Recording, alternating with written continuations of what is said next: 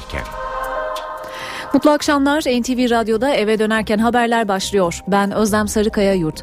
Türkiye ve dünyadan günün önemli gelişmeleriyle sizlerle birlikte olacağız.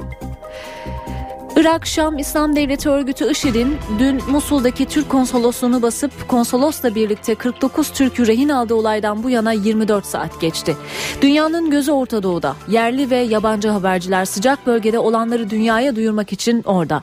NTV muhabiri Can Ertun'a da orada. Irak'ta son durumu canlı yayında alacağız ve Ankara'da teyakkuzda.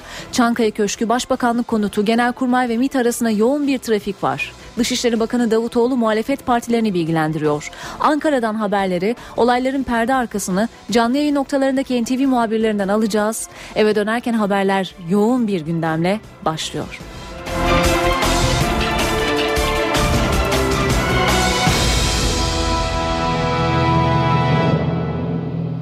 Az önce de söylediğimiz gibi Ankara'da gündem Irak Şam İslam Devleti örgütü tarafından Türkiye Başkonsolosluğundan rehin alınan 49 Türk'ün serbest bırakılması.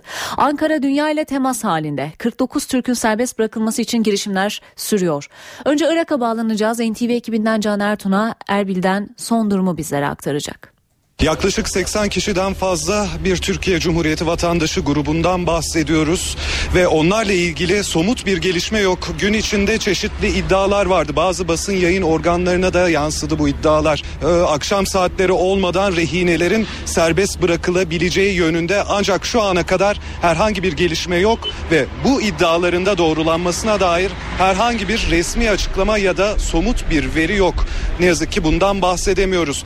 Ancak biraz alandaki durumdan bahsedelim. Çünkü rehinelerin durumunu da etkileyebilecek, rehinelerin e, akıbetini etkileyebilecek gelişmeler de sayılabilir bunlar.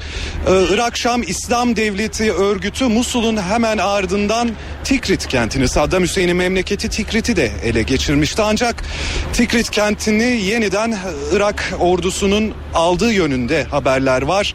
Açıkçası bu haberler doğrulanamıyor tam anlamıyla. Daha doğrusu ele geçirilen bir yer, IŞİD'in ele geçirdiği bir yer, dış mahalleleri daha sonra Irak ordusu tarafından ele geçirilebiliyor. Bu şekilde deyim yerinde ise yer yer tenis maçına benzeyen bir silahlı kanlı mücadele var. Tikrit kentinin yanı sıra Samarra'da da mücadele devam ediyor. Samarra'da da çatışmalar devam ediyor. Irak Hava Kuvvetleri'nin ve Irak ağır silahlarının aynı zamanda Selahattin vilayetinde de Irak, Irak Şam İslam Devleti örgütünün mevzilerini bombaladığı yönünde bir haber var. Kısaca toparlayacak olursak e, oldukça yoğun bir mücadele devam ediyor ve IŞİD'in bundan sonrası e, bundan sonraki hamlesi ne olacak? Herkes bunu merak ediyor ve bunu da şu anda kestirmek oldukça güç. Irak'tan bir son dakika haberini de aktaralım. Irak Dışişleri Bakanı Hoşer Zebari, Türk diplomatların ve vatandaşlarının serbest bırakılması için elimizden geleni yapıyoruz. Bu bizim önceliğimiz. Türk diplomatların durumunun iyi olduğunu ve güvende olduklarını biliyoruz dedi. Bir başka bağlantıyla devam edeceğiz. Başkentte yoğun Musul trafiği sürüyor. Hükümetin bugün Meclis Genel Kurulu'nda olaylarla ilgili milletvekillerini bilgilendirilmesi planlanıyordu. Ancak bundan vazgeçildi. Bunun yerine Dışişleri Bakanı Ahmet Davutoğlu mecliste grubu bulunan muhalefet partilerini ayrı ayrı ziyaret edip bilgilendiriyor. Davutoğlu önce CHP ardından HDP eş başkanlarıyla bir araya geldi. Şu sıralarda da bakanlıkta MHP Genel Başkan Yardımcısı Tuğrul Türkeş'i ağırlıyor. Davutoğlu bu görüşmelerde neler söyledi, muhalefet sözcüleri ne sordu? O trafiği NTV muhabiri Deniz Kilislioğlu izliyor. Deniz seni dinliyoruz. Dışişleri Bakanı Ahmet Davutoğlu siyasi partileri bilgilendiriyor. Musul'la ilgili olarak ilk görüşmesi CHP ileydi. Saat 14'te Kemal Kılıçdaroğlu ile bir araya geldi ve bir saat sürdü görüşme. Ee, yanında Dışişleri Bakan Yardımcısı ve Dışişleri Müsteşarı vardı. Ee, üç isim içeri girdiler. CHP Genel Başkanı'na da e, diplomat kökenli isimler Genel Başkan Yardımcısı Faruk Loğlu ve İstanbul Milletvekili Osman Korutürk eşlik etti. Osman Korutürk'ün daha önce Irak'ta görev yapmış bir diplomat, emekli diplomat olduğunu da hatırlatmış olalım. E, içeride ilginç bir diyalog yaşandı. Biraz da gergin bir hava oldu. Onu aktarmak gerekiyor. Kılıçdaroğlu Davutoğlu'na AK Parti hükümetinin Orta Doğu politikaları baştan sona yanlış, Türkiye'yi bataklığa sürüklüyor, yalnızlaştırıyor dedi ve bunun bir siyasi faturası olması gerektiğini söyledi. Dışişleri Bakanı ise bu ifadelerin ardından evet siyasi faturası olur Sayın Genel Başkan ve bu faturayı halk keser ifadelerini kullandı bizim alabildiğimiz yetkililerden alabildiğimiz bilgiler bu yöndeydi. Görüşmenin o dakikalarında da biraz ortam gerildi işin gerçeği. Dışişleri Bakanı Ahmet Davutoğlu anladığımız o ki daha çok görüşmelerde Irak Şam İslam Devleti örgütünün nasıl ortaya çıktığı gibi bilgiler verdi. Ee, sonrasında Faruk Loğlu CHP görüşmesinin ardından bir açıklama yaptı ve aslında biliyorsunuz bugün meclis bilgilendirmesi yapılacaktı ama siyasi partilere öncelikle gitme yolunu tercih etti Ahmet Davutoğlu ve Faruk Loğlu meclis bilgilendirilmesinin ertelendiğini anlıyorum dedi. Ee, esas olan halkın da bilgilenmesi diyerek daha sonra bu bilgilendirmenin yapılabileceğinin sinyalini Davutoğlu'nun içeride verdiğini aktardı. Dolayısıyla bu da önemliydi. Göreceğiz önümüzdeki günlerde böyle bir bilgilendirme yapılacak mı meclise. E, saat 14'teki görüşmenin ardından meclise gitti Ahmet Davutoğlu HDP heyetiyle görüştü. Saat 17'de de Dışişleri Bakanlığı'nda MHP'den bir isim Genel Başkan Yardımcısı Tuğrul Türkeş'le bir araya geldi. Tabii şunu söyleyelim MHP lideri Devlet Bahçeli'nin bugün bir programı olduğu için Davutoğlu'na randevu veremedi. MYK ve il başkanları toplantısında başkanlık edeceği için o yüzden Tuğrul Türkeş'in Davutoğlu'ndan bilgi almasını ve MHP adına görüşmeye katılmasını talimatını verdi. E, ve görüşme de kısa bir süre önce başladı diyelim ve sözü yeniden size bırakalım. Deniz Kilislioğlu aktardı. Teşekkür edelim. Yeni ve önemli bir gelişmeyi aktararak devam edelim. Dışişleri Bakanı Ahmet Davutoğlu HDP'lilerle yaptığı görüşmede kaçırılan Türk şoförlerin serbest bırakıldığını söyledi. Açıklama HDP Grup Başkan Vekili Ertuğrul Kürkçü'den geldi. Kürkçü konsolosluk görevlilerinin de başka bir bölgeye taşındığını ve sağlık durumlarının iyi olduğu yönünde Davutoğlu'ndan bilgi aldıklarını söyledi. Bir başka bağlantıyla devam edelim. Ankara'da Perşembe günleri devletin zirvesinde olağan görüşme günüdür. Ancak konsolosluk baskını olunca bugünkü görüşmeler olağanüstü nitelik kazandı. Çankaya Köşkü ve Başbakanlıktaki görüşmelerden notları alacağız şimdi. NTV muhabiri Murat Barış Koralp takipte. Murat. Ankara'da Musul zirvelerinin biri bitiyor bir diğeri başlıyor. Şu dakikalarda Cumhurbaşkanı Abdullah Gül Genelkurmay Başkanı Necdet Özel'le görüşüyor. Dün Çankaya Köşkü'ndeki zirvede de bir araya gelmişti ikili. 24 saat geçmeden tekrar Musul zirvesi yapıyor Cumhurbaşkanı Gül ve Genelkurmay Başkanı Orgeneral Necdet Özel. Sabah saatlerine dönelim. Bugün Ankara'nın önemli bir konuğu vardı. Amerika Birleşik Devletleri'nin Birleşmiş Milletler daimi temsilcisi Samantha Power sabah saat 11'de Cumhurbaşkanı Abdullah Gül'le görüştü. Aslında Power'ın gelişi önceden planlanmıştı. Power önce Ürdün'e gitti. Sonraki adres olarak da Ankara'ya geldi. Ziyaretinin gündemi Suriye'ydi ancak dünkü konsolosluk baskınının ardından bugün masada Musul'da vardı. Amerika Birleşik Devletleri'nin Birleşmiş Milletler daimi temsilcisi Samantha Power, Cumhurbaşkanı ile görüşmesinin ardından saat 12'de Başbakan Erdoğan'la bir araya geldi. Başbakan Erdoğan bu görüşmenin ardındansa saat 14'te Genelkurmay Başkanı Orgeneral Necdet Özel'i kabul etti. Sadece Başbakanlık resmi konut değil Çankaya Köşkü de hareketliydi gün boyu. Saat 15'te Cumhurbaşkanı Abdullah Gül, MİT Müsteşarı Hakan Fidan'ı kabul etti. Ardından da şu dakikalarda Genelkurmay Başkanı Necdet Özel'le görüşüyor. Ankara'da tüm bu görüşmeler kapsamında Musul konuşuluyor. Yapılanlar ve bundan sonra yapılacaklar ele alınıyor. Murat Barış Koral, NTV Radyo Ankara. Az önce söylemiştik Dışişleri Bakanı Ahmet Davutoğlu mecliste grubu bulunan partilerle tek tek görüşüyor. Onları bilgilendiriyor. O gruplardan birisiyle HDP'lilerle yaptığı görüşmede kaçırılan Türk şoförlerin serbest bırakıldığını söyledi. Ee, Dışişleri Bakanı Ahmet Davutoğlu bu yeni ve önemli bir gelişme. HDP Grup Başkan Vekili Ertuğrul Kürkçü'den gelmişti bu açıklama. Kürkçü konsolosluk görevlilerinin de başka bir bölgeye taşındığını ve sağlık durumlarının iyi olduğu yönünde yine bizzat Davutoğlu'ndan bilgi aldıklarını söyledi. Devam ediyoruz. Bağdat hükümetinin IŞİD'e karşı Washington'dan da yardım istediği hatta Başbakan Nur El Maliki'nin Amerikan yönetimine örgüt militanlarını havadan bombalayın dediği ancak buna olumsuz yanıt aldığı ifade edildi. Haber New York Times gazetesinde yer aldı. Irak Başbakanı Nuri El Maliki bir ay önce Obama yönetiminden Irak Şam İslam Devlet Örgütü militanlarını vurmasını istedi. Haber Amerikan New York Times gazetesinde yer aldı. Gazeteye göre Bağdat yönetimi Irak'ta ilerlemekte olan IŞİD militanlarının Amerikan savaş uçakları ve insansız uçaklarıyla vurulmasını talep etti. Maliki ayrıca IŞİD militanlarının Suriye'den Irak'a geçişlerinin engellenmesi için de Amerika'nın yardımına başvurdu. Obama yönetimi ise bu taleplere olumlu yanıt vermedi. ABD hava saldırıları gündemimizde değil derken bunun yerine Irak ordusunun güçlendirilmesine odaklanmayı tercih etti. Amerikalı yetkililer bu yılın başlarından beri Irak'a askeri teçhizat sevkiyatını hızlandırdıklarını hatırlattı. Bağdat yönetimine yaptıkları yardımların artacağını söyledi. Beyaz Saray yetkilileri pek çok seçeneğin gözden geçirildiğini belirtirken insansız uçakların Irak'ta etkili bir şekilde kullanılamayabileceğine işaret etti. Amerikalı yetkililer insansız uçakların etkili sonuç vermesi için çok ciddi istihbarat kapasitesi ve uzmanlığın gerekli olduğuna vurgu yaptı. Irak ordusu IŞİD militanlarının Irak'taki ilerleyişi karşısında çaresiz kalınca yardım çağrısı üzerine peşmergeler harekete geçti ve bölgesel Kürt yönetimi sınırlarından çıkan peşmergeler petrol kenti Kerkük başta olmak üzere birçok stratejik noktada kontrolü ele geçirdi. Peşmerge Kuzey Irak Bölgesel Kürt Yönetimi'nin düzenli ordusu. Irak Şam İslam Devleti Örgütü'nün Irak'ta ilerlemesi karşısında kışlasından çıktı. Üniforma ve silahlarını bırakarak çekilen Irak ordusunun yerini dolduruyor. Türkmenlerin çoğunlukla yaşadığı Tusur Matu dahil Irak'ta önemli bir alan artık peşmerge kontrolünde. Kerkük bu noktalardan biri. Tek bir Irak askerinin kalmadığı belirtilen kentte peşmergeler konuşlanmış durumda. Peşmergeler yer yer IŞİD militanlarıyla çatışıyor. Irak merkezi hükümeti IŞİD işgaline karşı Kuzey Irak Bölgesel Kürt yönetimiyle birlikte hareket edeceklerini duyurdu. Peşmergeler IŞİD militanlarının Irak'taki işgalini durdurabilecek bölgedeki tek güç olarak görülüyor.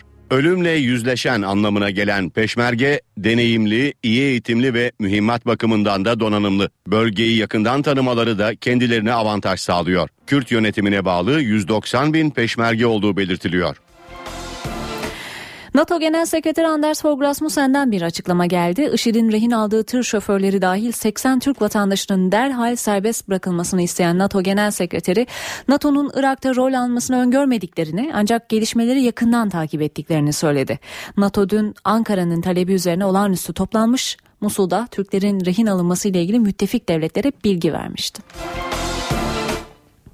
IŞİD Irak'ta ilerliyor. Peki bu ilerleyiş ne kadar sürecek? Örgüt işgal ettiği yerleri elinde tutabilir mi? Stratejistler bunun kolay olmayacağını zira Başbakan Malik'in elindeki tüm güçlerle IŞİD'e saldırabileceğini söylüyor. IŞİD Musul ve çevresinde kontrolü ele geçirdi. Şimdi gözü başkent Bağdat'ta. Peki Irak Şam İslam Devleti IŞİD ele geçirdiği kentlerde tutunabilecek mi? Uluslararası toplum bu sorunun yanıtını arıyor. Uzmanlar IŞİD gibi örgütlerin şehirlerden çok ıssız merkezi hükümetlerin ulaşamadığı stratejik önemi az bölgelerde hakimiyet kurabildiğine dikkat çekiyor. Bu noktada IŞİD'in genellemeye uymayarak kentlerden çekilmeme kararı alıp almayacağı merak ediliyor. IŞİD'in güç kazanmasıyla Irak Başbakanı Nuri El Maliki'nin atacağı adımlar da merakla izleniyor. Maliki'nin rüştünü ispatlamak ve koltuğunu korumak için IŞİD'in üzerine büyük bir güçle gidebileceği yorumları öne çıkıyor.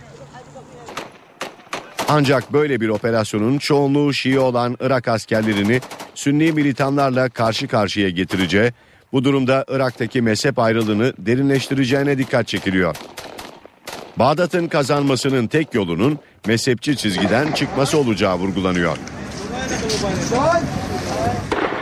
Irak'taki tablo karşısında batılı ülkelerin tavrı da yakından izleniyor. IŞİD'in emrinde ölmeye hazır 15 bin kişi olduğu belirtiliyor. Bu durum karşısında batılı ülkelerin Irak hükümetine daha fazla askeri destek sunmaya gönüllü olduğu vurgulanıyor. Ancak Irak'a asker gönderme seçeneği masada değil.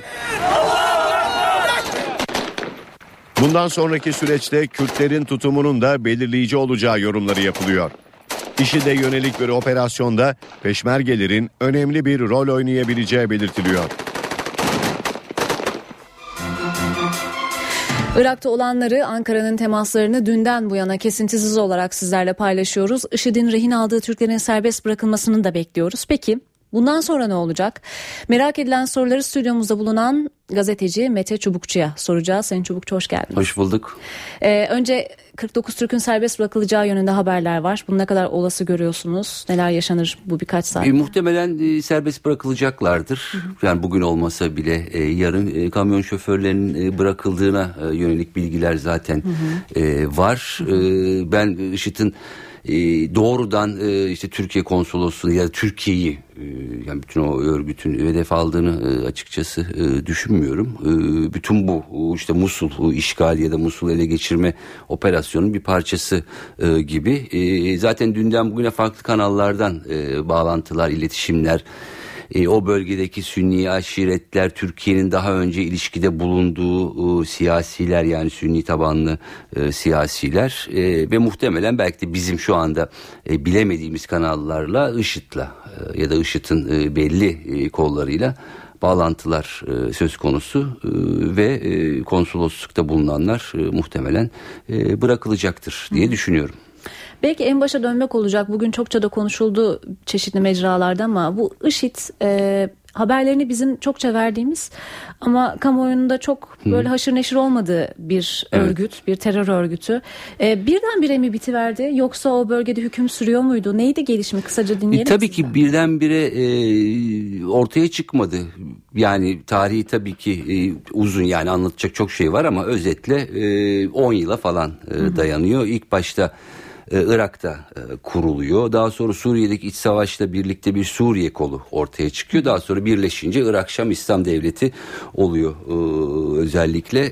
Bu Irak'taki elde tuttukları bölgeyle Suriye'de elde tuttukları bölge arasında çok mobilize geliş gidişler var. El-Kaide kökenli, El-Kaide türevi bir örgüt. Her ne kadar El-Kaide onu dışlamış olsa bile ideolojisi, stratejisi, savaşma şekli, uygulamaları, e, bütün o işte e, İslam'ın en e, koyu, en e, neredeyse e, ilkel yöntemlerini e, bir şekilde e, uyguluyor. Suriye'de iki kenti yönetiyorlar. Rakka ve Deir Zor.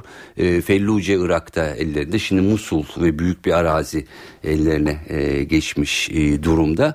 E, çoğunluğu içinde e, hep söylüyoruz yabancı savaşçıların olduğu Çeçenistan'dan Kuzey Afrika'ya, Asya'dan e, bir sürü cihatçı Avrupa'dan hatta Türkiye'den de içinde e, büyük bir ihtimalle e, cihatçıların e, olduğu ama tabii bir sempatizan ağıyla da genişleyen zaman zaman korkuyla zaman zaman e, gönüllü olarak destek e, aldığı e, yerler var. Mesela şeyde e, Suriye'deki e, elde tuttukları şehirlerde e, muhtemelen tehdit ve korkuyla. Ama Irak'taki bölgeye baktığımızda Musul gibi çok büyük bir kenti e, yani 2-3 bin 4 bin hatta 5 bin kişi almanız çok mümkün değil. Yani 4 milyonluk bir kentten bahsediyoruz. E, muhtemelen oradaki e, Sünni e, tabanın e, yapılanmanın bir şekilde e, uzun yıllardır dışlanması e, Maliki hükümetine olan tepkisi nedeniyle aşiretlerin ailelerin oradaki örgütlerin de e, destek vermese bile karşı çıkmayıp yani önünde bir direnç göstermeyip IŞİD'in e, önünü açtığını e, düşünebiliriz. Yani bu Irak'ın karmaşık yapısının da e, yarattığı Suriye'deki e, durumun yarattığı bir örgüt. Aslında tabii yabancı gibi görünüyor ama çok da yabancı olmaması lazım. Çünkü e, Suriye'de e, hani Irak evet belki uzak çok fazla dikkatimizi çekmiyor ama e, Suriye'de e, çok yani Türkiye'nin de isminin geçtiği yerlerde e, IŞİD'in hep ismi geçti. E, uzun süre Türkiye bu konuda eleştirildi bazı noktalarda ama son 6 ayda işte IŞİD, El Nusra gibi örgütler, El-Kaide tabanlı örgütler terör örgütü hı olarak kabul edildi e, Türkiye tarafından. Yani bu Suriye Savaşı ile birlikte daha yoğun e, IŞİD'i e, tanıdık. E, Hatta ilk başlarda e, yani bir şekilde Esad'a karşı savaşan Suriye muhalefeti içinde de adlandırılan e, gruplardı bunlar. E, ne zaman ki e, farklı davranmaya başladı, e, Esad'la savaş bir Suriye muhalefetine karşı savaşmaya e, başladı. Ondan sonra biraz mesafe e, atıldı. E, özetle e, bu tür bölgelerde yani otoritenin kaybolduğu bölgelerde çok kolay örgütlenebilen, çok kolay yer e, tutabilen e, bir yapılanma diyebiliriz. İlerledikleri bölgeler daha sünni bölgeler diyebiliriz aynı Hı. zamanda ve e, belki de bir noktada korkulan Şiilerle Şiilerin yoğunlukta olduğu, nüfusta Hı. yoğunlukta olduğu bölgede o bölgedeki e, nüfusa karşılaşması O evet. zaman ne olur? Yani tabii ki şimdi bu ideolojiye baktığınızda e, birinci sıradaki düşmanlar hep Şiiler olarak e, görülür. E, onları hatta yani din, din dışı falan şey yaparlar. E, kabul ederler. Eğer e, Bağdat'a doğru ilerlemeye e, çalışırlar ya da Şii bölgelerine doğru ilerlemeye çalışırlarsa tabii ki e, Irak ordusu, Irak ordusu nasıl e, omurgasını Şii kökenli askerler oluşturuyor. Ellerinde tabii ki ciddi silahlar var bir ordunun silahı. Yani bu Musul'da kaçan askerler e, ya da bırakıp giden askerler gibi değil. Çok ciddi çatışmalar içine e, girilebilir. Bu Felluce'de oldu. Yani orada Irak ordusu e, muhtemelen çok sert direnç ve çok saldırgan e, davranabilir. E, tabii iş e, Şii bölgelerine ki aslında Bağdat'ın aşağısına ulaşmaları çok mümkün e, görünmüyor. O zaman e, çok uluslararası bir komplikasyon da çıkabilir. Hatta İran e, kutsal yerlere bir saldırı olursa biz devreye gireriz diye bir e, açıklama e, yaptı. Burada tabii ki şöyle bir ikilem içindeler. E, mobil e, bu tür örgütler hep mobil gezip çok alan tutma dan e, çeşitli yerlerde e, daha gizlenerek var oluyorlardı. Şimdi çok büyük bir alanda e, daha hedef olma ihtimali yüksek bölgede. E, şimdi nasıl bir politika uygulayacaklarını e, bilmiyoruz. Çünkü sonuçta büyük alanda ve açık alana çıktıkları zaman daha kolay hedef olabileceklerdir. E, özellikle Suriye'de bütün bu e, rehin operasyonu e, sonrasında ben e, bir şekilde IŞİD mevzilerinin, konvoylarının ya da işte bölgelerinin farklı şekillerde e, bombalanacağını e, ya da işte bir takım e, bu işte insansız uçak benzeri araçlarla e, şey yapılacağını e, vurulabileceğini düşünüyorum o büyük alanların kontrolünden bahsedince siz aklıma geldi. Aslında örgütün yapısına da bir anlamda geri dönmüş olacağız ama daha geniş çerçevede destekçilerine bakacak olursak eğer işin içine istihbarat örgütlerini katabilir miyiz? Tabii ki yani şimdi sonuçta e, IŞİD e, baktığımızda e, ilk başta sanki Suriye'de işte Esad'a karşı savaştı evet ama bir noktadan sonra işler daha farklılaştı. İşte Esad ta mesela petrol satıyorlar Rakka'da öyle bir ilişkileri var. Esad'a saldırmıyorlar aksine işte e, muhaliflerle özellikle Kürtlerle e, Rojava'daki yani Suriye e, Kürt bölgesinde Kürtlere karşı e, savaşıyorlar. Bu konuda Kürtlerin e, çok yoğun aslında şikayeti e, vardı. E, gerçekten Türkiye'den bu konuda yardım istediler. E, yani IŞİD, e, IŞİD'e yönelik dikkat e, çektiler. Ama Türkiye o, o dönemde çok fazla sanki kale almadı e, gibi e, ve orada e, Suriye'de özellikle IŞİD'e karşı en dirençli kesim e, oradaki Kürt gruplar çok yoğun e, çatışma altındalar. Irak'a e, dönecek olursak da Irak'taki durum daha farklı. Irak'ta e, oradaki o sünni üçgen dediğimiz e, bölgedeki insanlar, aşiretler, siyasi yapıların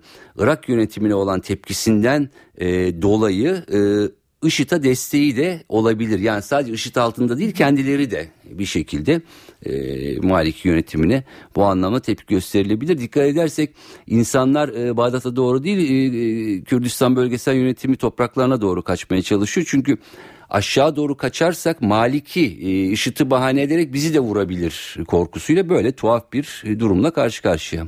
Hı hı. Ee, destek bakımından o zaman bakacak olursak şimdi peşmergeler, NATO, e, nerelerden müdahale Hı-hı. gelebilir? Ne kadar etkili olur? NATO, Birleşmiş Milletler Güvenlik Konseyi ya da sırf Birleşmiş Milletler yeterli olacak mıdır? Bu demin dediğim gibi yani Birleşmiş Milletler'den bir şey yani sadece lafzen bir şeyler söyler. NATO'nun bir şey yapacağını düşünmüyorum ama Amerika'nın şimdi Amerika Maliki'yi çok yoğun olarak destekliyor. Bu olaydan sonra daha da destekleyecektir. Hem askeri anlamda hem e, işte danışmanlık e, anlamında ya da Amerika'nın kendi başına hareket etme anlamında. Bu asker gönderme değil ama demin dediğim gibi havadan bir takım e, hedef tespitleri ya ya e, vurma anlamında bunlar olabilecektir. Bu Suriye'de de e, muhtemelen e, olabilir. E, onun dışında tabii ki e, gelişmelere e, bakacağız. Ben çok Kürt bölgesine ilerleyeceklerini açıkçası düşünmüyorum. Yani orada sınırda kalacaklardır. E, çünkü bu sefer cepheyi çok genişletirler. E, Kürtler orada direnç gösterir peşmergeler. E, aşağı doğru e, belki bir, zaten Felluce'deler. Felluce'de onların elinde. Orası da Bağdat'a yaklaşık bir saatlik falan e, mesafededir. Yani o sınırlarda kalırlar diye e, düşünüyorum. Çok ekstra bir e, durum e, olmazsa onun e, dışında e, yani topyekun ülkelerin oraya yönelik bir e, saldırısının e, çok muhtemel e, görmüyorum e, ama e, IŞİD'e yönelik e, bir takım operasyonlar e, başlayacaktır. Tabii onlar da belli noktalar karşılık vereceklerdir. Tabii orada en tehlikeli nokta e, şudur bu tür örgütler daha önce ki yani tecrübelerden e, yola çıkarsak sıkıştıkları yerlerde e, hep hiç e, tahmin edilmeyen yerlerde bir takım saldırılar, patlamalar, işte intihar saldırılarına e, girişiyorlar. Bu anlamda tabii e, yani Türkiye'nin de çok dikkatli olması e, gerekiyor. Bu konuda bir e, yorum Pakistan'a döner mi Türkiye şeklinde e, sorular vardı. Çok uç bir e, yakıştırma mı olur acaba? E, ya bir anlamda uç yakıştırma e, olur bir anlamda e, birebir olmasa bile benzerlik taşıyan e, eylemlere e, sa, yani tabii ki bunun hiç olması istenmez e, olabilir yani bunu hep ihtimal içinde tutmak e, gerekir çünkü sıkıştığı yerden çıkamadıkça başka yerlerden e, yani geçmiş yıllarda hep e, böyle oluyor. Ya Pakistan tabii pe peşaver benzetmesi falan yapılır. Oraları da çok daha farklıdır. Ama şu var. E, şunu e, diyebiliriz. IŞİD sonuç olarak e, Musul'da hani duyduk ya nereden çıktı derken aslında IŞİD Suriye içinde Türkiye'nin komşusu e, bir örgüttür. Yani Türkiye sınırının hemen e, yakınındadır. E, dolayısıyla çok uzağında değil e, Türkiye'nin. Şunu yapamaz yani bir askeri saldırı ya da bir asker Türkiye'ye karşı e, bunu yapmana gücü yoktur. Bunu cesaret edemez ama bir takım bireysel eylemler tehlikesi her zaman e, vardır. Onun için hep baştan e, söylediğimiz e, gibi Türkiye'nin e, bence hem Irak politikasını hem Suriye politikasını yeniden gözden geçirip revize etmesinde zorunluluk vardır gibi görünüyor. Çünkü bir yıl iki yıl önceki durum gibi değil artık. Yani Suriye'deki mesele sadece Esad rejimini yıkmaya yönelik bir ya da işte oradaki rejimin devrilmesine e, Suriye halkının işte o ilk başlarda konulan hedef özgürleştirilmesi hedefini çok aşmış ve her şey birbirine girmiş durumda. %88'de tekrar bu arada Esat daha geçen hafta e, tekrar seçildi geldi. E, az önce sözlerinizden dikkatimi çekti. Askeri hedef olarak Türkiye'yi alma ihtimali var mıdır? Türkiye topraklarını askeri hedef olarak alma Onu ihtimali... yapamaz. Yani onun ıı, çok fazla ona cesaret edemez. O o kadar gücü de yok yani sonuçta Hı-hı. Türkiye e, sınırı özellikle son 6-7 aydır e, eskiye göre çok daha sıkı artık e, denetliyor. İki örgütün Nusra ile birlikte terör örgütü e, ilan etti. Zaman zaman IŞİD konvoylarını e, bu arada şey yaptılar, e, vurdular. E, yani Türkiye'nin oradaki askeri konuşlanması, askeri kapasitesi, e, savaş uçaklar yani o kıyas e, kabul etmez. E, orada öyle bir hareketliliğe e, girişeceklerini ben e, ya da onu cesaret edebileceklerini e, tahmin etmiyorum. E, tabii ki şunu da biliyoruz. E, Türkiye zaten e, bütün o olanaklarıyla adım adım o Suriye'deki hareketliliği ne yap yapmadıklarında bir şekilde e, izliyor. E, daha önce yapmadığı e, bir takım girişimleri Türkiye bu sefer IŞİD'e karşı biraz geç de olsa bence e, yapabilir diye düşünüyorum.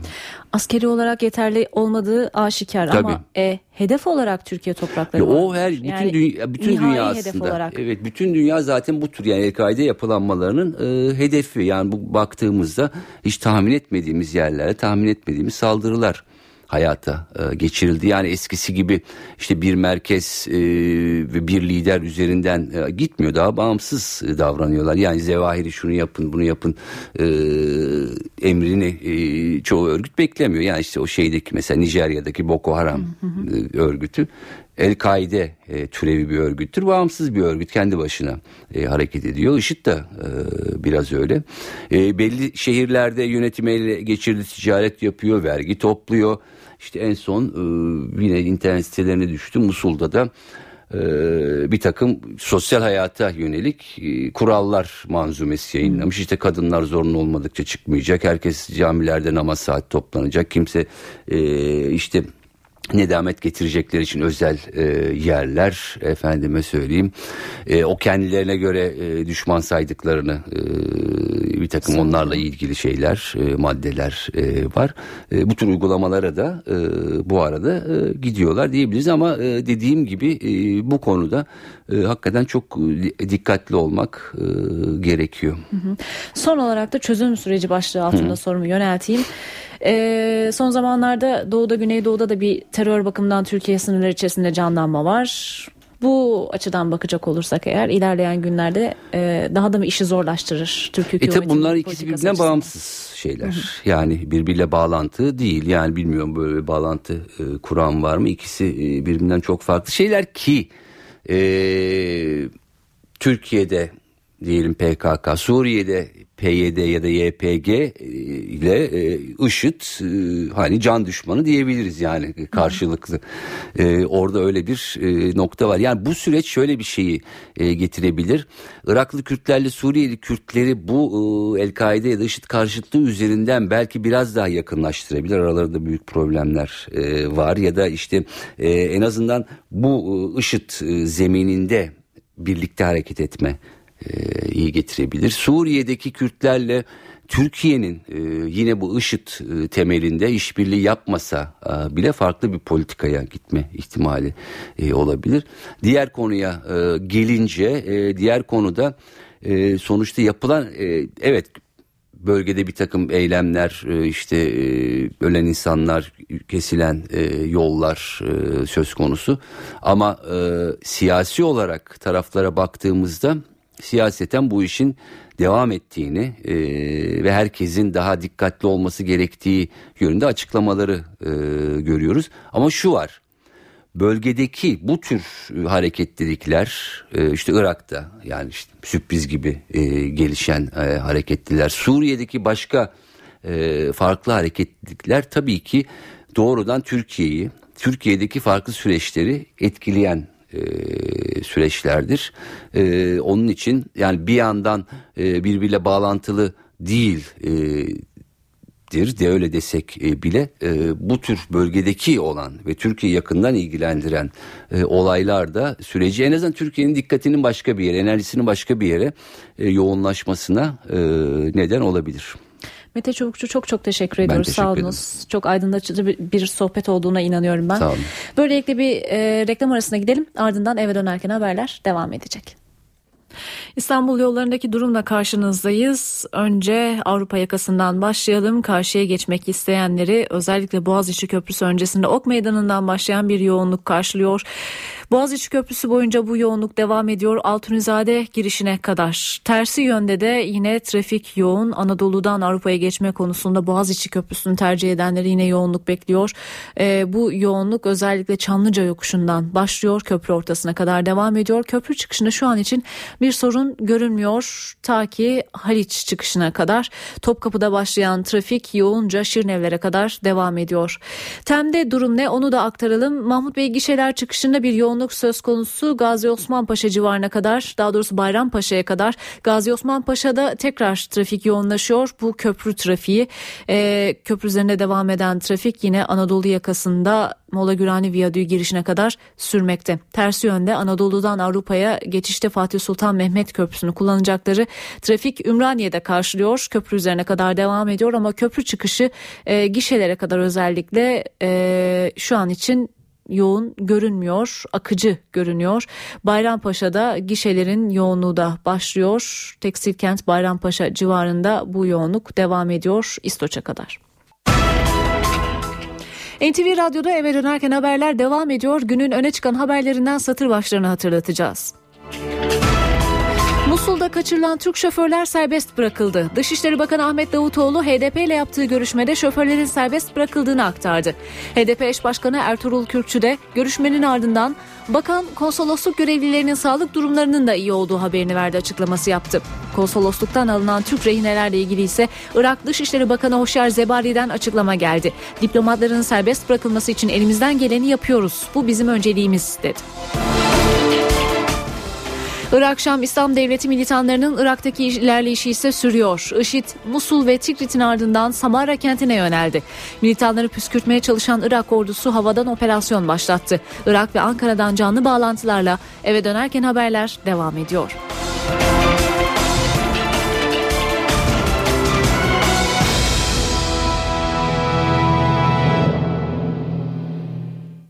İyi haber akşam saatlerinde geldi. Musul'da kaçırılan 31 Türk tır şoförü serbest bırakıldı.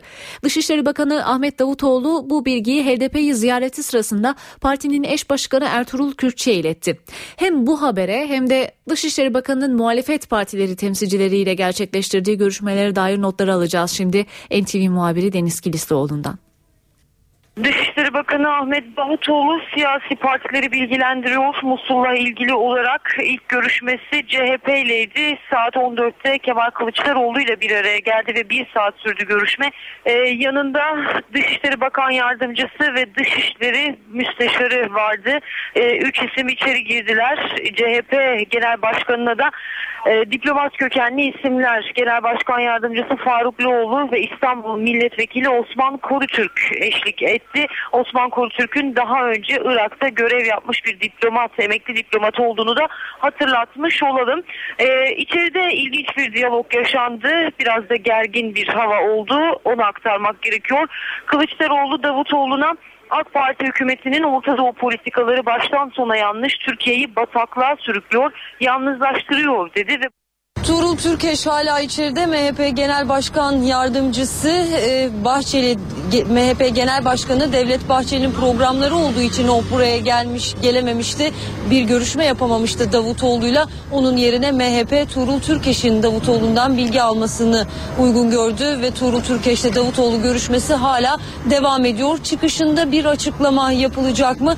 Davutoğlu'ndan bir açıklama yapmasını bekliyoruz aslında ancak e, henüz bu yönde net bir bilgi bilgi de yok. Kesinleşmiş bir bilgi de yok ama bir noktanın altını çizmek gerekiyor belki bu yayında Seda. HDP görüşmesinin hemen arkasından e, eş başkan Ertuğrul Kürkçü bir açıklama yapmıştı. Görüşmede Bakan Davutoğlu'nun Türk şoförlerin serbest kaldığını kendilerine söylediğini aktarmıştı. Ancak dışişleri kaynakları bir düzeltme ihtiyacı duydular bu noktada. Şoförlerin serbest kalmadığını ifade ediyorlar. Herhalde içeride bir iletişim kazası yaşandı. Bakan e, içeride daha önceki kaçırılma olaylarından örnekler verilirken ve o kişilerin serbest kaldığını ifade ederken bir yanlış anlaşılma oldu ifadelerini kullanıyorlar. Dolayısıyla Türk şoförlerin hala rehin olduğunu söyleyelim. Bu noktayı da düzeltmiş olalım.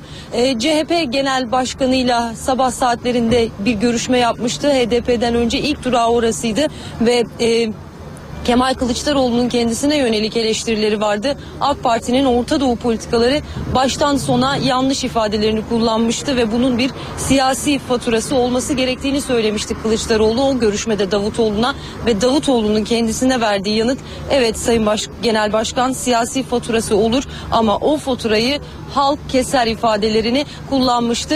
E, CHP HDP'nin ardından şu dakikalarda MHP Genel Başkan Yardımcısı Tuğrul Türkeş'le görüşüyor Davutoğlu. Çıkışında bir açıklama olursa biz aktarmayı sürdüreceğiz. IŞİD Irak'ta ilerliyor. Peki bu ilerleyiş ne kadar sürer? Örgüt işgal ettiği yerleri elinde tutabilir mi? Stratejistler bunun kolay olmayacağını zira Başbakan Maliki'nin elindeki tüm güçlerle IŞİD'e saldırabileceğini söylüyor. IŞİD Musul ve çevresinde kontrolü ele geçirdi. Şimdi gözü başkent Bağdat'ta. Peki Irak Şam İslam Devleti IŞİD ele geçirdiği kentlerde tutunabilecek mi? Uluslararası toplum bu sorunun yanıtını arıyor. Uzmanlar IŞİD gibi örgütlerin şehirlerden çok ıssız merkezi hükümetlerin ulaşamadığı stratejik önemi az bölgelerde hakimiyet kurabildiğine dikkat çekiyor. Bu noktada IŞİD'in genellemeye uymayarak kentlerden çekilmeme kararı alıp almayacağı merak ediliyor. IŞİD'in güç kazanmasıyla Irak Başbakanı Nuri El Maliki'nin atacağı adımlar da merakla izleniyor. Maliki'nin rüştünü ispatlamak ve koltuğunu korumak için IŞİD'in üzerine büyük bir güçle gidebileceği yorumları öne çıkıyor. Ancak böyle bir operasyonun çoğunluğu Şii olan Irak askerlerini Sünni militanlarla karşı karşıya getireceği, bu durumda Irak'taki mezhep ayrılığını derinleştireceğine dikkat çekiliyor. Bağdat'ın kazanmasının tek yolunun mezhepçi çizgiden çıkması olacağı vurgulanıyor. Irak'taki tablo karşısında batılı ülkelerin tavrı da yakından izleniyor. IŞİD'in emrinde ölmeye hazır 15 bin kişi olduğu belirtiliyor. Bu durum karşısında batılı ülkelerin Irak hükümetine daha fazla askeri destek sunmaya gönüllü olduğu vurgulanıyor. Ancak Irak asker gönderme seçeneği masada değil. Bundan sonraki süreçte Kürtlerin tutumunun da belirleyici olacağı yorumları yapılıyor. İşide yönelik bir operasyonda peşmergelerin önemli bir rol oynayabileceği belirtiliyor. Irak ordusu IŞİD militanlarının Irak'taki ilerleyişi karşısında çaresiz kalınca yardım çağrısı üzerine peşmergeler harekete geçti ve bölgesel Kürt yönetimi sınırlarından çıkan peşmergeler petrol kenti Kerkük başta olmak üzere birçok stratejik noktada kontrolü ele geçirdi. Peşmerge Kuzey Irak Bölgesel Kürt Yönetimi'nin düzenli ordusu. Irak-Şam İslam Devleti Örgütü'nün Irak'ta ilerlemesi karşısında kışlasından çıktı. Üniforma ve silahlarını bırakarak çekilen Irak ordusunun yerini dolduruyor. Türkmenlerin çoğunlukla yaşadığı Tusur Matu dahil Irak'ta önemli bir alan artık peşmerge kontrolünde. Kerkük bu noktalardan biri. Tek bir Irak askerinin kalmadığı belirtilen kentte peşmergeler konuşlanmış durumda. Peşmergeler yer yer IŞİD militanlarıyla çatışıyor. Irak merkezi hükümeti IŞİD işgaline karşı Kuzey Irak bölgesel Kürt yönetimiyle birlikte hareket edeceklerini duyurdu. Peşmergeler IŞİD militanlarının Irak'taki işgalini durdurabilecek bölgedeki tek güç olarak görülüyor. Ölümle yüzleşen anlamına gelen peşmerge deneyimli, iyi eğitimli ve mühimmat bakımından da donanımlı. Bölgeyi yakından tanımaları da kendilerine avantaj sağlıyor. Kürt yönetimine bağlı 190 bin peşmerge olduğu belirtiliyor. IŞİD'in ele geçirdiği Musul'dansa halk kaçıyor. Farklı güzergahlara kaçıyorlar ancak en çok tercih edilen yer Erbil. Duruma kayıtsız kalmayan Kürt yönetimi de Erbil yakınlarında bir çadır kurdu. Irak'ın Musul kentinden kaçış var. Irak-Şam İslam Devleti militanlarının ele geçirdiği kenti terk edenler Kürt bölgesine sığınıyor. Erbil'e 40 kilometre uzaklıkta peşmergelerin kurduğu güvenlik noktasına yüzlerce araç birikti. Peşmergeler araçları tek tek kontrol ettikten sonra Erbil'e hareket etmelerine izin veriyor. Musul'da durum umutsuz. Polis karakolunu yakıp yıktılar. Ailemi ve çocuklarımı korumak için elimden geleni yapacağım. Bölgeye Musullular için bir çadır kampta kuruldu.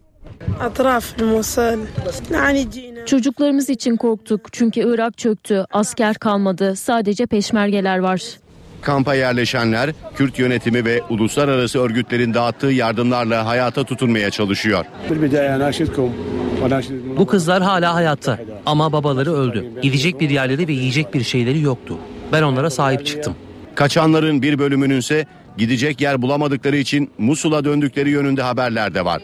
Irak Şam İslam Devleti'nin Musul'da kontrolü ele geçirmesinin ardından kenti terk edenlerin toplam sayısı 500 bini aşmış durumda. Türkiye en başta da 49 Türk'ün aileleri Irak'tan gelecek iyi haberi bekliyor. Konsolos Öztürk Yılmaz'ın Bursa'da yaşayan anne ve babasından mesaj var. Sen orada dön televizyona bak biz de aynı televizyondan öğreniyoruz her ne olursa. Yani bir dışarıdan sağdan soldan herhangi bir, bir şey bilgimiz yok. IŞİD'in rehin aldığı Musul Başkonsolosu Öztürk Yılmaz'ın Bursa'da yaşayan ailesi endişeli. Baba Şerafettin Yılmaz oğluna bir an önce kavuşmak istiyor. E, gereken işlemler yapılıyor, gereken şeyler olacak diye bize güvence veriyorlar. Allah razı olsun. Devlet güçlüdür. 3-5 sene çapulcuya şey bırakmaz. Bundan 20 gün önce görüştük. Annesini ameliyat ettirmiştim. Buraya geldi. Fakat kalmadı. Arabayla geldi. işleri vardı. Çekti gitti. Yine Musul'a mı gitti? Yok. Ankara'ya gitti ama gene benim oğlum akıllıydı ki herhangi bir silah şuna buna davranmadan işi bağladı. Öztürk Yılmaz'ın üç çocuğu ve eşi Ankara'da Musul'dan gelecek haberi bekliyor. Valla onlardan da haber alamıyorum desem yani o da açıyor gelin telefon diyor ki baba sen nasıl izliyorsan ben de aynısını izliyorum. Anne hanım ana Yılmaz gün boyu televizyon başında haber bültenlerini takip ediyor. Onu izliyorum işte sabahça ağlıyorum. Televizyon izliyorsun. Evet. Televizyondan gelecek haberleri izliyorsun. Evet. Onun haberleri saat başı onu izliyorum. Devletimiz getiriyor inşallah Allah'ın fırsatıyla. Mantı sever o en çok mantıyı sever. Keşke o gün olsa da gelse de yapsa. CHP Musul'daki konsolosluk baskını nedeniyle Başbakan Tayyip Erdoğan hakkında verdiği iki gen soru önergesini daha sonra yeniden vermek üzere geri çekti. CHP Grup Başkan Vekili Akif Hamza Çebi bu süreçte iç politikanın ikinci planda olması gerektiğini söyledi. Cumhuriyet Halk Partisi olarak Sayın Başbakan'la ilgili iki e, konuyu Türkiye Büyük Millet Meclisi gündemine getirmiştik. Bunlardan birisi gen sorudur. İkincisi de milletvekillerimizin vermiş olduğu meclis soruşturması önergesidir. Ancak Musul nedeniyle ortaya çıkan gelişmeler olağanüstü bir durumda karşı karşıya olduğumuzu göstermektedir. Böyle bir süreçte iç politikanın ikinci plana atılması gerekir. Ulusal duruşu, ulusal beraberliği göstermemiz gereken bir süreç varken böyle bir süreçte gen sorunun ve meclis soruşturmasının Türkiye Büyük Millet Meclisi'nin gündeminde olmasını doğru bulmuyoruz. Bu nedenle hem gen soru önergesini hem de meclis soruşturması önergesini daha sonra vermek üzere meclis başkanlığından geri çekiyoruz. CHP'nin bu tavrı Cumhurbaşkanı Abdullah Gül'ü memnun etti. Kulislere yansıyan bilgilere göre Cumhurbaşkanı hükümetin muhalefetle istişare ve bilgilendirme süreci başlatmasını, CHP'nin başbakan hakkında verdiği iki gen soru önergesini Musul krizini göz önüne alarak ertelemesini memnuniyet verici olarak değerlendirdi. Musul'daki rehine krizi meclisin Dışişleri Komisyonu'nda ise tartışma yarattı. CHP'li Refik Er Yılmaz konsolosluk baskını ile ilgili hükümeti eleştirdi. Komisyon başkanı yeri değil diyerek tepki gösterince tartışma çıktı. Tuncay Bey konuştu musun konusunda? Osman Bey konuştu. Niye sıra bana gelince tepki gösteriyorsunuz anlamıyorum. Ben size Arkadaşlar konuşmadı mı? Basın, basından sonra konuşuruz. Niye basından sonra? Şimdi konuşacağım. Meclis Dışişleri Komisyonu'nda Musul tartışması yaşandı. CHP'li Refik Er Yılmaz konsolosluk baskını konusunda hükümeti eleştirdi. Bu konuyu bugün burada konuşmak zorundayız. Konuşmak zorunda derindeyiz ama bugün gündemimizdeki bir konu değil. Onun Ben gündem dışı bir Burada söz aldım zaten. E, tenkit edecek bir konuşma yapmanızı ben tasvip etmiyorum.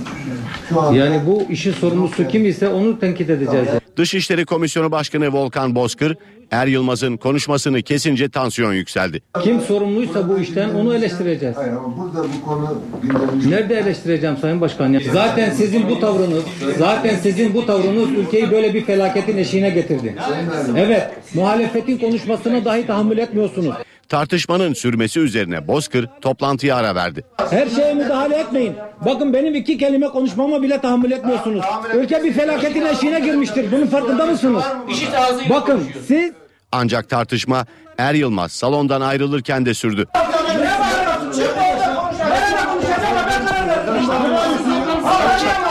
Toplantı daha sonra basına kapalı sürdü. Bir aramız var ardından devam edeceğiz. Eve dönerken devam ediyor. Haberlerimizi sıralamaya devam ediyoruz. IŞİD'in rehin aldığı Türkleri bırakması bekleniyor. Irak'ta olanları, Ankara'nın rehinelerin serbest bırakılması için yürüttüğü temasları aktardık. Şimdi gündemdeki diğer haberlere de göz atalım. Yüksek Seçim Kurulu Cumhurbaşkanı adayının sahip olması gereken nitelikleri açıkladı. Buna göre 40 yaşını dolduran üniversite mezunları 20 milletvekilinin imzasıyla Cumhurbaşkanı adayı olabilecek. Aday olmayı planlayan başbakan ya da bakanlarsa görevlerine devam edebilecek. Yüksek Seçim Kurulu Cumhurbaşkanlığı adaylık şartlarını açıkladı. 40 yaşını doldurmuş, yüksek öğrenim yapmış, Türkiye Büyük Millet Meclisi üyeleri ve milletvekili seçilme yeterliliğine sahip Türk vatandaşları Cumhurbaşkanı adayı gösterilebilecek. Cumhurbaşkanı adayı olmak için en az 20 milletvekilinin imzası gerekiyor. Adaylık için başvurular 29 Haziran 3 Temmuz tarihleri arasında yapılacak. Kesin aday listeleri 11 Temmuz'da Yüksek Seçim Kurulu tarafından açıklanacak. Aday gösterilen hakimler ve savcılar, öğretim elemanları, belediye başkanları, askerler, siyasi partilerin il ve ilçe yöneticileri, kamu bankaları yöneticileri listenin kesinleştiği 11 Temmuz itibariyle görevlerinden ayrılmış sayılacak. Bir belediye başkanı aday olmak için ayrılır ve seçilemezse yeniden görevine dönemeyecek. Ancak bir bakan, milletvekili ya da başbakan aday olması halinde görevinden ve parti üyeliğinden ayrılmayacak. Seçim sonuçları kesinleşene kadar görevini sürdürebilecek. Cumhurbaşkanı seçilenin varsa partisiyle ilişiği kesilecek, Türkiye Büyük Millet Meclisi üyeliği sona erecek. Şartlar belirlendi. Seçim süreci önümüzdeki hafta başlayacak ancak ortada henüz adaylığını açıklamış biri yok. CHP Genel Başkanı Kemal Kılıçdaroğlu partisinin köşk adayını saptamak için başlattığı görüşme trafiğini sürdürüyor. Kılıçdaroğlu bugün HDP'ye gitti. İki tarafta nasıl bir cumhurbaşkanı istediklerini anlattılar. Ancak HDP seçimin birinci turuna kendi adayıyla gireceğini açıkladı. CHP lideri Kemal Kılıçdaroğlu köşk seçimi için siyasi parti turlarına devam etti.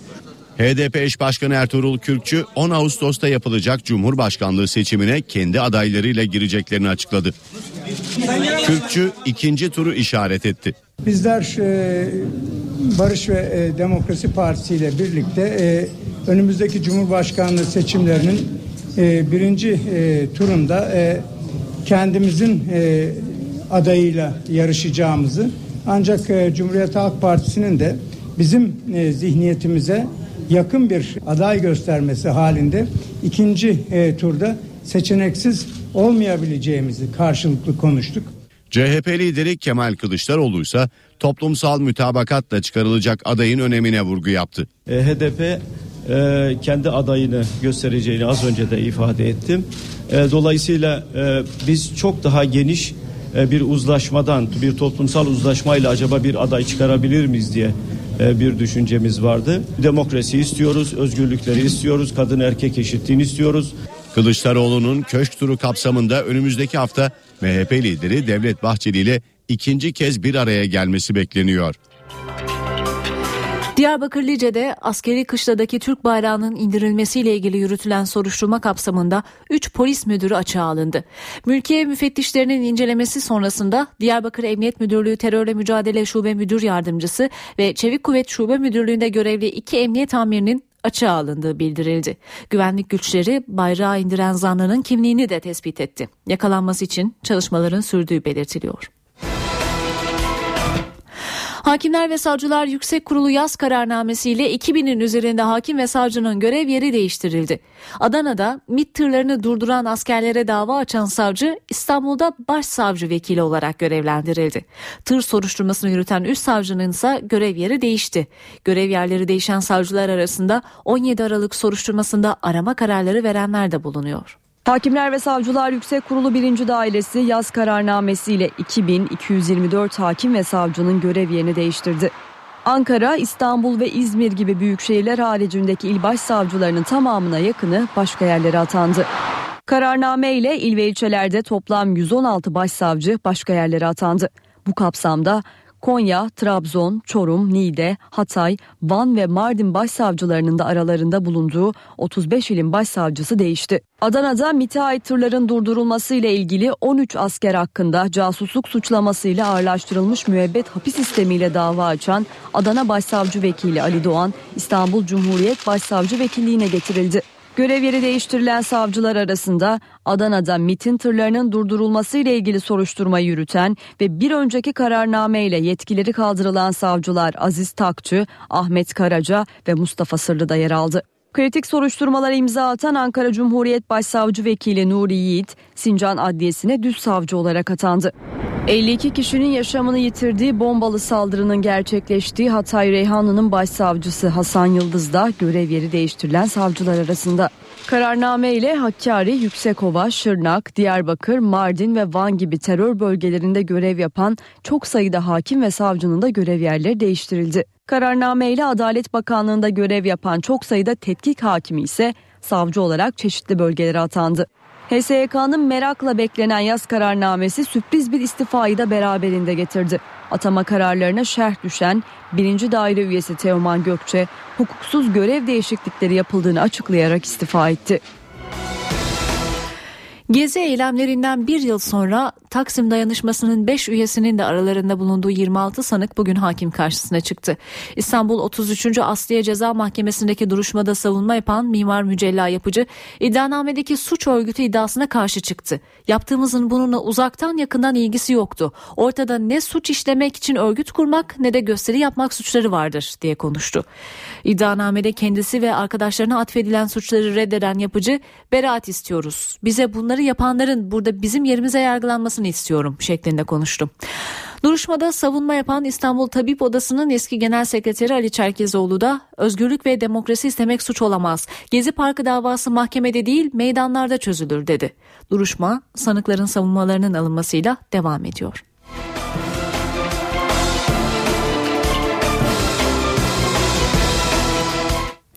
Şırnak'ta göçük yaşanan ve ikisi kardeş 3 işçinin hayatını kaybettiği maden ocağının kaçak olduğu belirlendi.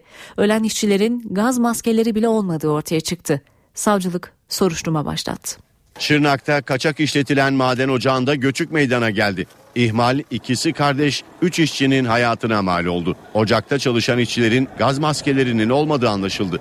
Şırnak'ta özel bir şirkete ait ocakta çökme meydana geldi.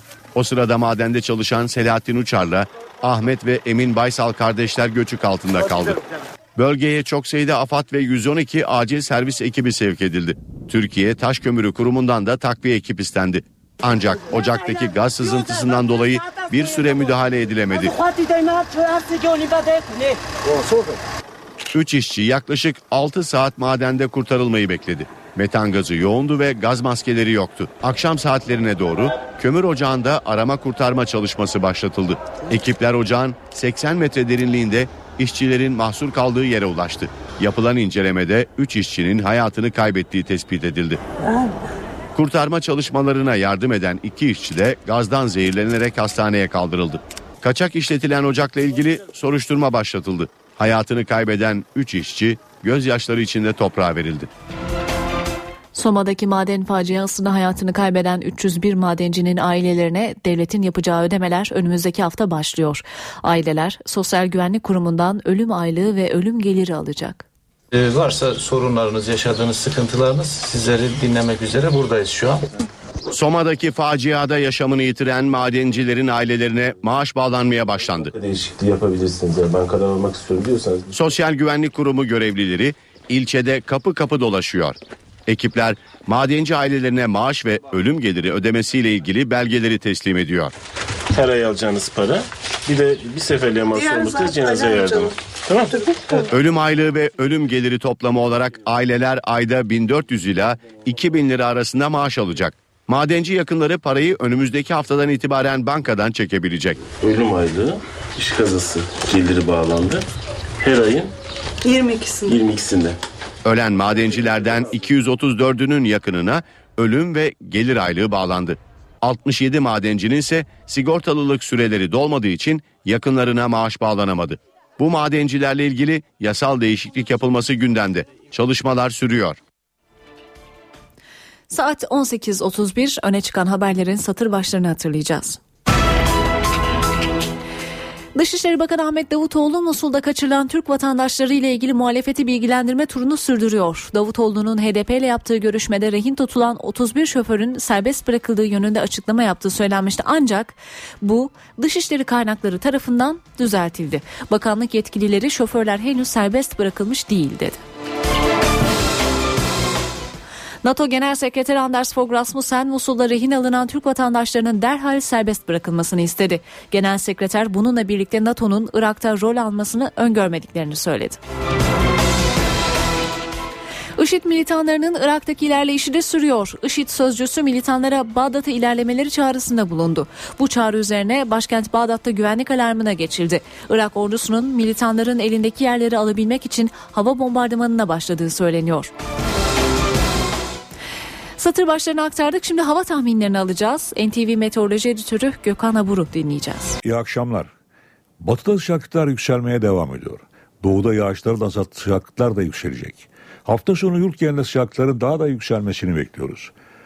Yağışlar giderek hafifliyor. Yarın Doğu Karadeniz'de Samsun, Artvin, Doğu'da Kars, Ardahan ve Banakkar arasında yağışlar görülecek. Gece Trakya'da bulutlanma artacak. Cumartesi günü doğuda yağışlar hafif olarak devam ederken Marmara'nın batısı yeniden yağışlı havanın etkisine girecek. Yağışlar Edremit, Ayvalık, Çanakkale, Edirne, Tekirdağ, Kırklareli boyunca aralıklarla devam edecek. Pazar günü Marmara'nın batısında yağış aralıklarla devam ederken Doğu Anadolu'nun doğusunda yerel yağışlar görülecek. Batı Karadeniz'in iç kesimlerine de yer yer kuvvetli sağanaklar görülecek. İstanbul yarın az bulutlu ve sıcaklık 28 dereceye kadar çıkacak. Hafta sonu ise sıcaklık İstanbul'da daha da yükseliyor. Ankara'da hava artık güneşli sıcaklık gündüz 25 gece ise 12 derece olacak. İzmir'de gölgedeki sıcaklık 31 dereceye kadar çıkıyor. Hava güneşli. Rüzgar da hafif esmeye devam edecek. Hepinize iyi akşamlar diliyorum. Hoşçakalın.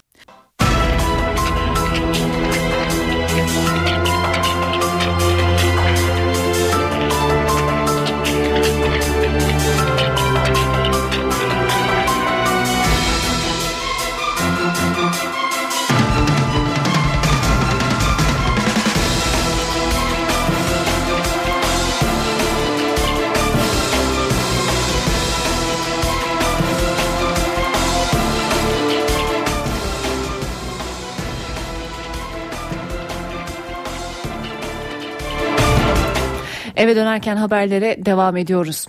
Türkiye ile İran sınır kapılarının karşılıklı yenilenmesi için anlaşma imzaladı. İran Cumhurbaşkanı Ruhani'nin Ankara ziyareti sırasında varılan anlaşmaya göre Türkiye Kapıköy sınır kapısını güçlendirecek. İran ise sınır kapısına bağlanan yolu yenileyecek. İran Cumhurbaşkanı Hasan Ruhani'nin Ankara ziyareti sırasında gündem başlıklarından biri de sınır kapılarının yenilenmesi ve yeni kapıların açılmasıydı. Türkiye ile İran 2010 yılında imzalanan anlaşmayı revize etti. O kapıların yenilenmesi, e, ticaret erbabının yapacağı ticaretin kolaylaştırması bakımından altyapı sorunlarının giderilmesini müzakere ettik. E, bir de anlaşma imzalandı. 2010 yılındaki anlaşmada atıf yapılan Dünya Ticaret Örgütü ile ilgili bölümler İran'ın örgüte üye olmaması nedeniyle çıkarıldı.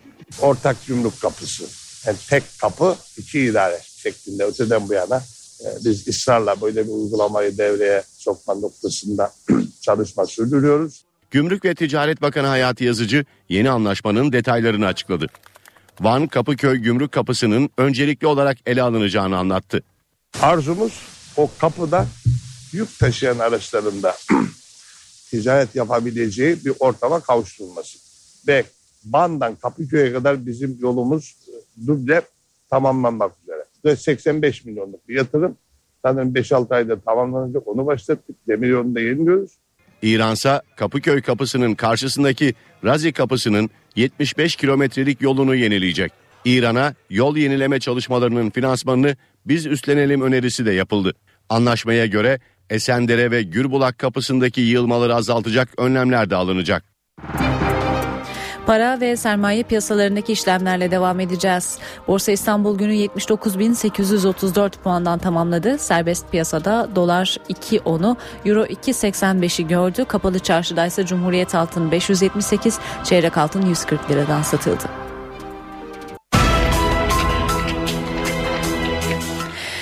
İstanbul yollarındaki durumla devam edeceğiz. Şu an için Avrupa'dan Anadolu'ya geçmek isteyenleri hem Boğaziçi Köprüsü'nde hem de Fatih Sultan Mehmet Köprüsü'nde yoğun bir trafik bekliyor. Özellikle Boğaziçi Köprüsü'ne girişte yoğunluk söz konusu.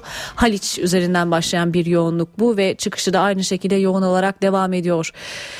TEM'i kullanacak olanlar için Avrupa'dan Anadolu'ya geçişte trafik daha da önceden başlıyor. Gazi Osman Paşa Toki konutları civarında başlayan trafik yine çıkışta uzunca bir süre devam ediyor. Kavacık Hisar evlerine kadar.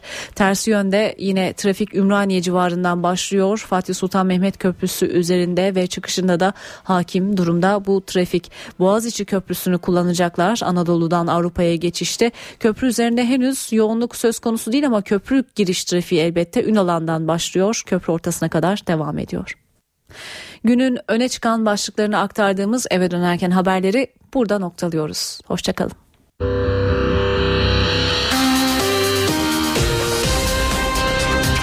NTV Radyo, Türkiye'nin haber radyosu.